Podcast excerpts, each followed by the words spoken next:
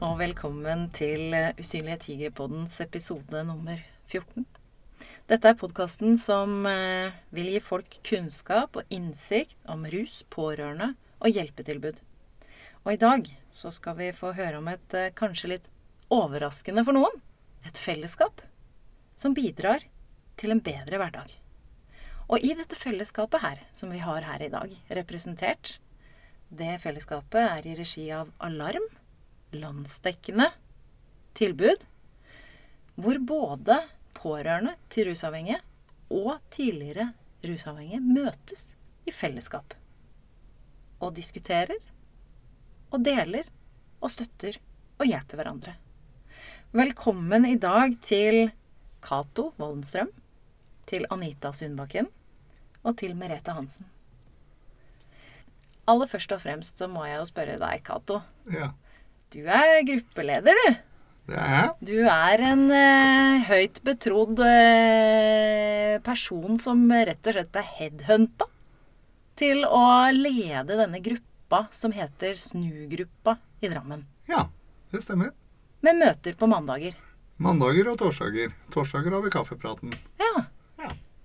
Du, hvorfor ble du Hva er grunnen til at Cato da blir headhunta inn i denne gruppa her, da? Det er jo personlige egenskaper. Mm. Det er det.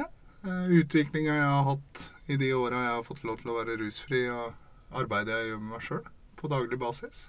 Mhm. Hvem var det som kjente deg og den prosessen du hadde gått gjennom? Det var eh, en som jobber på Kirkens Bymisjon i Drammen. Ja. Jeg begynte jo der eh, når jeg var ferdig i behandling. Eh, I tillegg til å gå i ettervernet så var jeg der på arbeidstrening og sosialisering, da. Ja, Mm. For det tilbyr Kirkens Bymisjon Det gjør de. i Drammen. Ja. De har bra tilbud i Drammen, har jeg hørt. Vi har et bredt tilbud. Ja, Det har vi.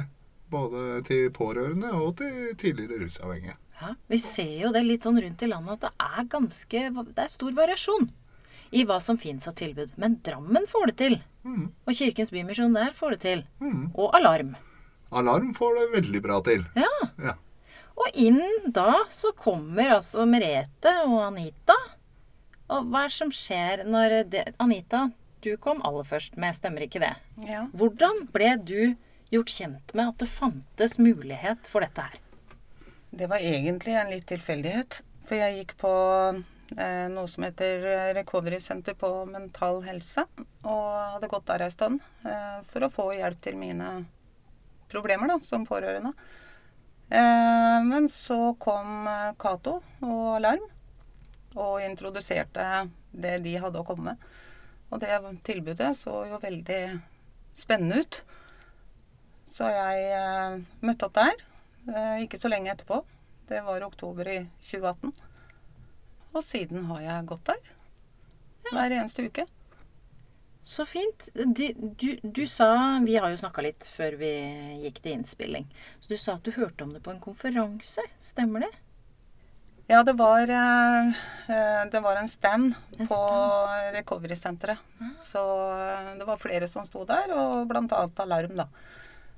Så da gikk jeg bort og prata med Cato og fortalte hva dette var. Og det syns jeg var veldig spennende. Jeg hadde jo lenge vært på jakt etter noe sånt. Ja, for hva, du var på jakt etter noe sånt. Hva betyr det? Altså, jeg har jo gått eh, på pårørendemøter i ganske mange år. Enkeltsamtaler, gruppesamtaler med pårørende. Men jeg hadde veldig lyst til å komme i kontakt med en tidligere rusavhengige som, eh, eh, som kunne fortelle meg litt, sånn at jeg fikk litt mer forståelse. Så det skjedde jo da når jeg traff Cato og fikk bli med der. For der var det Ja, det var jo bare meg, da, som pårørende. Men det fantes jo flere. Eh, Jeg hadde jo hørt viktigheten med det. Så det, jeg syns det var tøft til å begynne med, men eh, jeg syns det har hjelpa meg veldig, veldig mye på vei siden jeg starta. Hva var det som var tøft? Å få høre hvordan de hadde det, hva de følte, hva de tenkte. Å få den uh, tilbakemeldinga, eh, hvor viktig det var å f.eks. stenge den døra, da. Og det kunne da Cato bekrefte til deg? Ja. Eller er det Hva tenker du om det, Cato? Ja, eh, det, Det er jo en viktig del av det. eh, For å komme i en posisjon hvor man kan skjerme seg sjøl. De pårørende trenger å skjerme seg sjøl fra oss når vi er syke. Mm. For da er ikke vi akkurat så veldig sunne i hodet, da. Vi er, det er jo både en mental og en følelsesmessig sykdom vi lider av. Det er det. Eh, Og vi er Jeg var stygg mot de rundt meg. Uansett hvem det var, så var jeg ikke god å ha med å gjøre. Det er ikke det uten grunn at jeg har blitt kasta ut to ganger hjemmefra. Jeg brukte dem veldig. Alt handla om hva jeg kunne få. Så jeg kunne ha det bra. Fordi den eneste som betydde noe, var jo jeg. Ja. Og det, så det, det med å lukke døra, hva betyr egentlig det, Anita?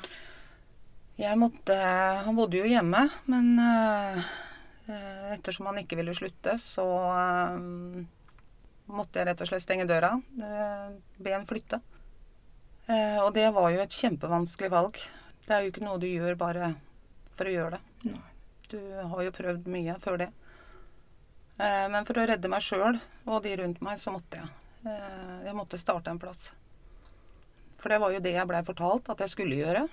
Blant annet gjennom tidligere samtaler og sånne ting. Men det var fryktelig vanskelig. Mm. Forståelig nok. Så Og så møter du Cato, som kan faktisk være med og gi deg litt eh, perspektiv fra hans sitt ståsted, som nå rusfri. Mm. I hvor mange dager var det vi telte i stad? Var det 1962? Ja, ikke sant? Ja, Nærmer seg 2000. Det er det ikke verst. seg. Ja.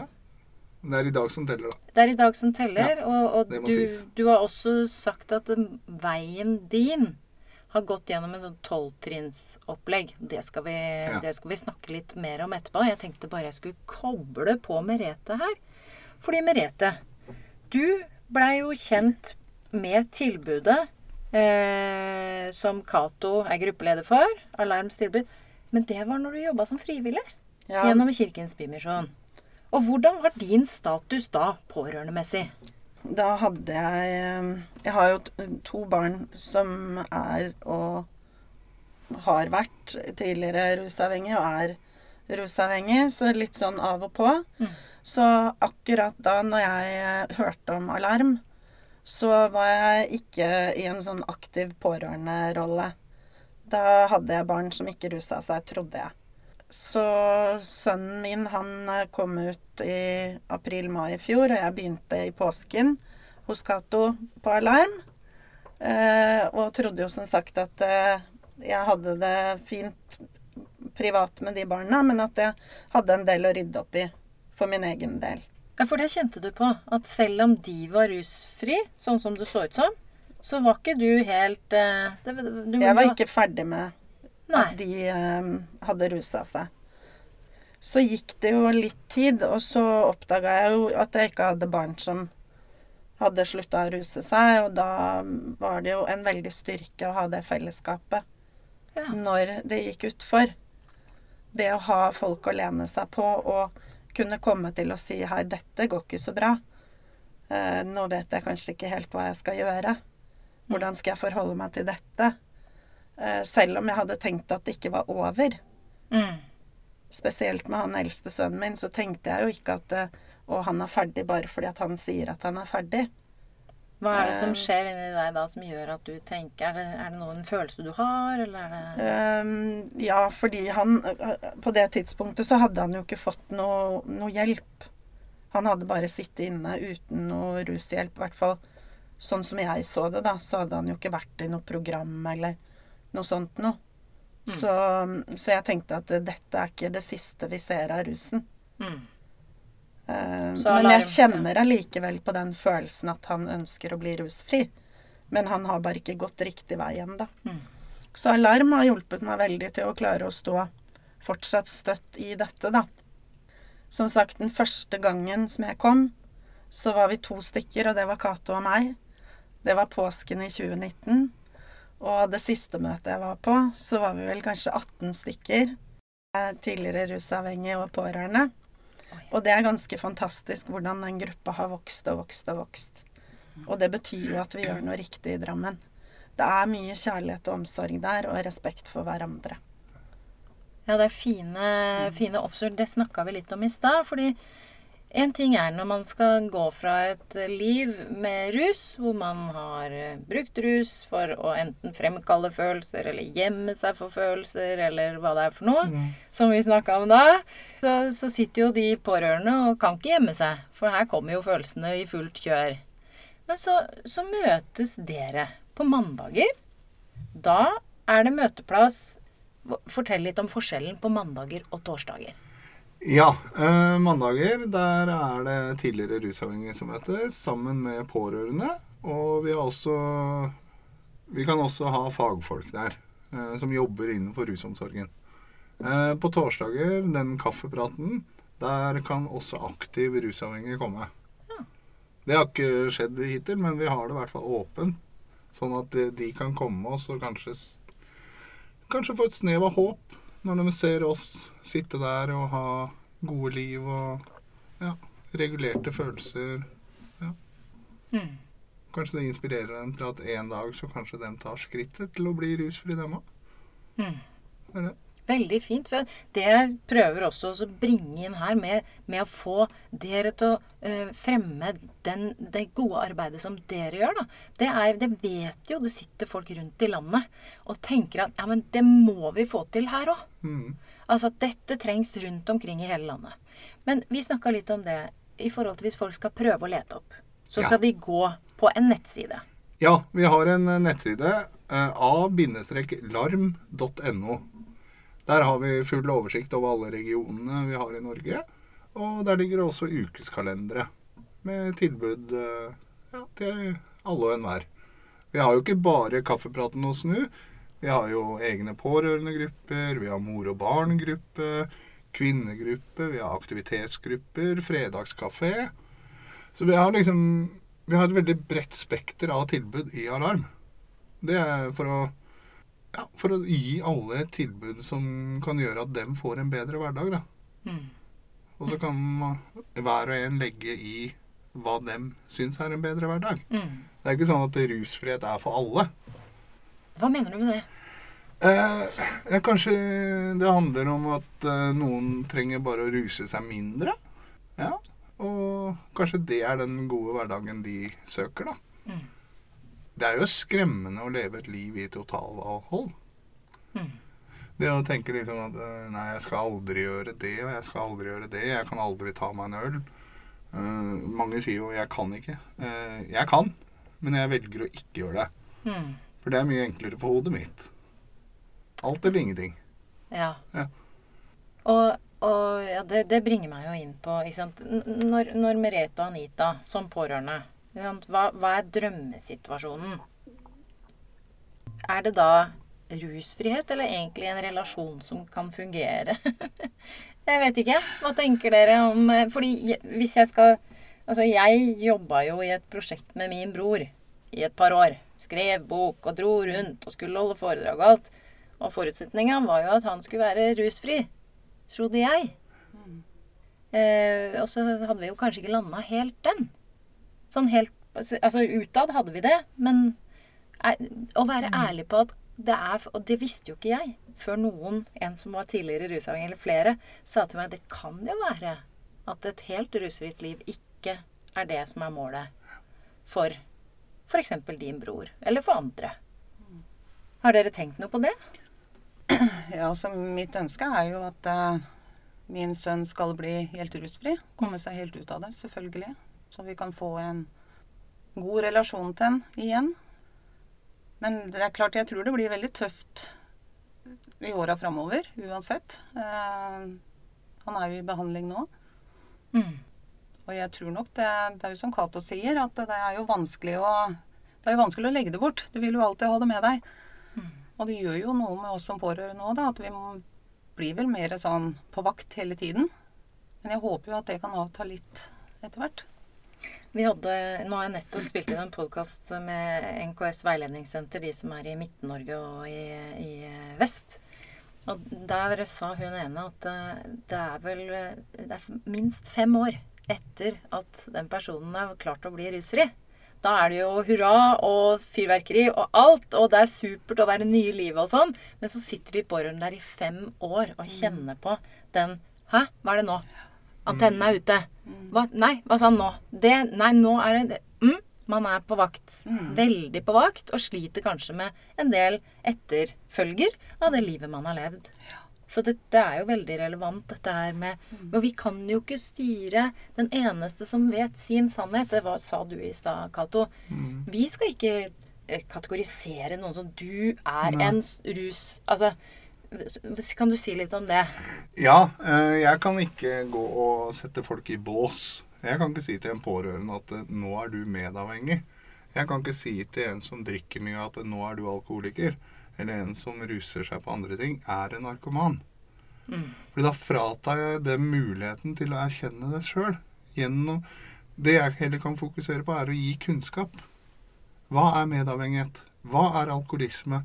Hva er eh, narkomani, for å kalle det det? da? Ja. Og hva er medavhengighet, sånn som du ser det? Det er jo kjærlighet eh, til et annet menneske som har gått over stokk og stein. Hvor du muliggjør for noen sitt rusbruk. La det seg være gi mat, eh, betale regninger, kjøpe rusmidler. Ja. Ja. Rett og slett, fordi akkurat det ordet medavhengighet det er litt sånn omdiskutert. Og det er veldig mange som får piggene voldsomt ut hvis noen sier det. Jeg syns det er veldig viktig det du sier. At vi kan ikke kategorisere noen som det. Man kan observere atferd. Man kan observere handlinger. Man kan observere og tenke Oi, og så kan man stille spørsmål. Oi, det du gjør nå, hvordan påvirker det i helhet, eller ikke sant? Hva Ja. hva, ja, vi ja. Muliggjør du ja. for han eller hennes bruk? Mm. Rett og slett. Ja. Ja. for hvordan var det for deg? Hvis noen betalte regningene dine, kjøpte mat til deg, eh, kjøpte dop altså, Eller altså, hvis noen Hva, hva gjorde hva, hva, tenker du er ting du ser i gruppa som er sånn typiske ting som pårørende gjør i beste mening?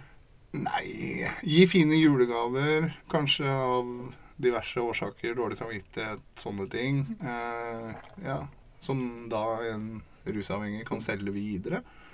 Komme med klær, komme med mat. Ja, enkle ting som å betale bussen for dem, da. Mm. Bare betale togbilletten til Oslo. Ja, ok, da har den uh, rusavhengige sannsynligvis fått 120 kroner og kan kjøpe mer rusmidler for. Mm. Eller snike. Og ja. Ja, ikke sant? Det er denne muliggjøringa som er i aller beste kjærlighet, egentlig, og alt. Når man, ja. Du, du snakka om at du kom deg ut av tåka da du slutta å ruse deg. Men kanskje er det en tåke for pårørende også? Det tror jeg. Man går seg litt vill i denne kjærlighet- og omsorgståka. Ja. At man i aller beste mening holder på der inne. Og hvis noen kritiserer det, da får man piggene ute, da. For man er jo ikke med om Nei, jeg er da ikke noe avhengig, jeg. Og jeg er i hvert fall ikke medavhengig. Det Og hvis personen er rusfri? Eh, hvordan oppfører vi oss da? Ja. Eh, er vi i de samme handlingsmønstrene? Bare på en litt annen måte sånn i forhold til motivene og sånn, da. Liksom, ok, ja, nå er han rusfri.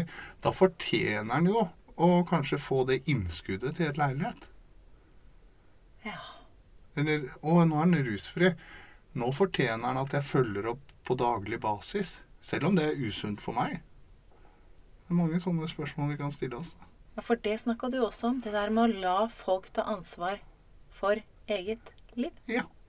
Hvordan skal jeg ellers vokse? Hvordan skal jeg ellers bygge den selvfølelsen jeg trenger for å kunne ta egne valg? da? Mm. Hvordan skal jeg bli glad i meg sjøl hvis jeg blir dulla med hele tida? I aller beste mening. Ja, ja. Men Alt- allikevel- Alt gjøres i beste mening. I beste mening. Selvfølgelig. Merete, du snakka i stad ganske opptatt av det med, med offerrolle. Altså ta altså, um, man, kan jo, man kan jo som menneske noen ganger føle seg som et uh, offer. Men du er veldig bevisst på at du tar en aktiv rolle, du, i den situasjonen du står i til enhver tid. Er det riktig å si? Ja, det er riktig. Eldste sønnen min han har jo rusa seg i åtte år. Og de to første årene som jeg var mor til rusavhengige barn, så syntes jeg veldig synd på meg selv. Jeg tenkte hva har jeg gjort? Hvorfor ble det sånn? Hva kan jeg gjøre? Hvorfor gjør de dette mot meg? Hvorfor ruser de seg mot meg? Jeg snakka med de på telefon. Å, kan dere ikke komme hjem? Kan dere ikke gjøre sånn? Slutt å ruse deg. Til jeg oppdaga at dette er ikke mitt. Og da sto jeg, husker jeg sto i dusjen hjemme og vaska meg og børsta det av meg og tenkte dette er ikke mitt. Og fra da av så kunne jeg gå videre som mamma og ikke som offer og tenke på meg selv. Og det tok en lang tid eh, å gå den veien, da. Fra å være medavhengig til å være pårørende. Eh, det gjør jo folk i sitt eget tempo. Noen bruker 20 år på det, noen kommer seg aldri ut av det. Og noen bruker mindre år på det. Det tar kanskje noe med å gå i seg sjæl, men også noe med hvordan tilbud man har rundt seg til å klare å se sin egen situasjon. Mm. Eh, Jeg har hatt fine tilbud. Jeg har ikke hatt så mye, men jeg har hatt veldig gode tilbud. Jeg har hatt eh, noen å snakke med som har vært veldig sunne mennesker. Hva, har, hva betyr det? Sunne mennesker. Eh, som har et øre å låne meg, som ikke alltid mener så mye, men som klarer å stille meg noen gode spørsmål. Eh, som verken er enig eller uenig, men som spør meg når jeg sier noe. Ja, hvorfor tenker du sånn? Hva mener du med det? Eh, det å kunne bli stilt spørsmål mye mer enn gitt svar. Fordi ditt svar, eh, ditt spørsmål kan få et annet svar enn hvis jeg stiller det samme spørsmålet. Noe er rett for deg, og noe er rett for meg. Og den hjelpa du og de folka du har møtt, har det vært gjennom alarm, eller har det vært gjennom andre ting? Nei, det har vært tidligere, og, og Men jeg ser jo i Alarm så er det jo et mye bredere spekter av folk. Eh, der er det gode mennesker eh, som, som også stiller de riktige spørsmålene. Og samtidig eh, gir deg omsorg, da, når du står i vanskelige situasjoner. I fjor så mm, skulle datteren min konfirmere seg. eh, og sønnen min var veldig rusa i den perioden. Og jeg måtte ta et standpunkt til om han skulle få komme på den konfirmasjonen eller ikke. Og hvordan jeg skulle eh, legge premissene for det. Da hadde jeg gruppa. Og så sa jeg hvordan skal jeg få til dette? Tenk så vondt for datteren min og familien å ikke skulle ha han der. Men orker vi å ha han der rusa? Hvordan kan jeg vite at han ikke er rusa når han kommer? Uh, og da fikk jeg råd om å konfrontere han sånn 14 dagers tid i forveien. For det var det som var best for meg, det var å si noe om at uh, du kan kanskje få komme hvis du klarer å holde deg rusfri et par dager. Og når det nærma seg, så skjønte jeg at det klarer han jo ikke. Og da hadde jeg styrke til å si beklager, men du kan ikke komme.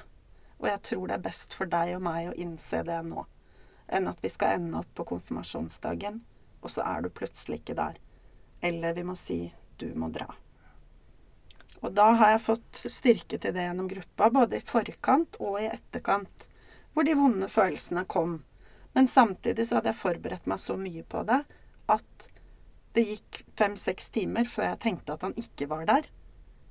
Og så når det kom, så var det egentlig ganske greit. For da hadde jeg fått jobba med det så mye på forhånd i gruppa vår. Er det noe du, Anita, har fått eh, Er det noe eksempel på noe du tenker som har virkelig hjulpet deg inne i gruppa? Jeg har blitt veldig mye sterkere psykisk. Fått aksept for uh, valga mine. Og det å kunne diskutere det med de rundt oss. At det både er tidligere rusavhengige der og pårørende. Det, det har betydd enormt mye for meg. Og det, jeg har fått svar på veldig mye og lært enormt mye. Og det har jo også vært med dem også. De også har jo lært veldig mye av oss. Så vi har vært en støtte for hverandre oppi alt dette. Det er jeg veldig glad for i dag. Cato, Mm. apropos tolvtrinn. Det er mange som snakker om det. Hva er, Vi snakka litt om hva tolvtrinn egentlig er, hvis vi skal prøve å se det litt sånn utenfra. Hva er det? Selvutvikling. Ja. Det er en fin måte å få kunnskap, innsikt. Se seg sjøl. Ja, eh, granske seg sjøl. Eh, livet. Eh, handlinger jeg tar, handlinger jeg tok. Eh, uten å rettferdiggjøre de handlingene. Ta ansvar for hvilken valg jeg har tatt som har ja, bl.a. påført mye skade til pårørende. Jeg må erkjenne at mine relasjoner med familien er skada. Jeg må erkjenne at uh, broren min og jeg, vi har historie. Jeg må erkjenne at uh, ting kanskje er endra for alltid, da. Det vet jeg jo ikke. Har du noen eksempler på, sånn, på noe som har, hvor du har kjent at Oi, her bidro jeg virkelig nå til å eh, gi Anita eller Merete et handel?» Har, har det skjedd at når du kommer med din erfaring, din støtte, at du kjenner Å, gud, nå, nå fikk jeg muligheten til å være med å utvide handlingsrommet eller synliggjøre Ja, men også veldig motsatt òg. Hva dem bidrar med til meg. Ja. Eh, Jeg ser sider jeg aldri har tenkt på før. Hva kan det være, f.eks.? Nei, sånne enkle ting. Eh, hvordan jeg eh, ja, lurte og løy, og hvordan jeg manipulerte mine da, til å ja, kanskje komme med mat. eh, ja, kjøpe gaver. Ta penger fra jobben. Sånne ting. Rett og slett. Ja. At den litt sånn Den litt gærne verden som blir når man lever i rus, om det er enten eh, som den som bruker det, eller de pårørende rundt Mm. Alt blir jo veldig Du sa at, du ble veldig selvsentrert. Ja. ja. Ikke sant? Eh, så det å, å da plutselig klare å se sammen på det hele Alt som blir egentlig normalt, som egentlig er helt crazy. Ja, altså sette min, min egenvilje til side. Og være en støtte for andre og gi av min kunnskap, da. Det er jo ikke sånn at alt det jeg sier er noe fasit. Men det var riktig for meg. Så kan ja, gjennom å stille litt åpne spørsmål få ja, de pårørende til å reflektere om sin situasjon, da. Og så sa du noe om at eh, glede. Når du hjelper noen. Ja, da, hvis jeg gjør noe godt for andre, da får jeg en god følelse. Så da er jeg god mot meg selv samtidig. Fantastisk. Og det, det prøver jeg å vie livet mitt til, da. Å være god mot andre. For en gangs skyld. Det er ganske flott. Og det er du. Ja, ja sant. Du, jeg, vi skal eh, avslutte, oppsummere. Og før vi gjør det, eh, så vil jeg bare høre med dere mm, alle tre. Er det, Anita, er det noe du tenker på som er viktig at lytterne på denne episoden skal ta med seg eh, når de går og skrur av, går derfra? Hva er viktig, tenker du? Det som er viktig, er jo åpenhet. Eh, prat med noen. Søk hjelp. Det hjelper. For meg har alarm i etterkant av andre eh, ting jeg har gjort på forhånd, med NKS og DPS og alt sånn. Men alarm har eh, latt meg gå videre. Mm. Så ja, søk hjelp. Prat med noen. Få innsikt i, det, i, i, i hele dynamikken, nesten. Ja. Når man får den Noen som representerer de man egentlig er glad i, men som ikke er den tetteste relasjonen. Mm. For Det snakka vi litt om i stad. At når man er i gruppe der, så er det jo ikke nødvendigvis egne barn. Ikke sant? Det er Nei. andres, og da må du forholde deg til det på litt annen måte. Ja. Lettere kanskje å kommunisere. Mm. Mye lettere. Mye lettere.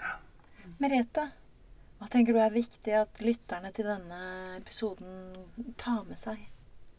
Eh, Jeg syns det er viktig at alle tar ansvar for sitt eget liv. Vi forventer at de rusavhengige skal gjøre det, og jeg syns vi som pårørende også skal gjøre det. Og vi tar ikke ansvar for vårt eget liv hvis vi lar oss selv gå til grunne. Så vi må søke hjelp. Og det er hjelp å få, og det er ikke alltid det er grupper i nærheten. Men det fins chattetjenester, og det fins steder man kan ringe. Og vi har folk på vår gruppe som kjører en time, halvannen, to timer for å komme på møte hos oss. Så det kan andre også gjøre. Viktig. Hva tenker du, Cato, er eh, viktig at lytterne tar med seg? Nei, det må bli at en ja, ivaretar seg sjøl. Finn de tilbud kommunen har, eh, enten det er privat eller offentlig. Prøv ut til du finner et tilbud som passer for deg. Og hold deg der. Gjør det. Felles velferd. Ikke rusavhengiges velferd, men familiens velferd. Viktig å sette på agendaen. Ja. Dette her har vært en uh, veldig lærerik og fin prat. Og jeg tenker jo det at uh, det at man plutselig har flere perspektiver inn i denne verden som vi kjenner veldig godt At vi kan blande dem og dele dem Mm. på den måten som dere gjør i Alarm og Snugruppa i Drammen. Det høres ut som det har brakt eh, en bedre hverdag for flere. Så tusen takk til dere alle tre for at dere ville komme hit i dag og dele. Ja. Tusen takk. Tusen Takk. takk.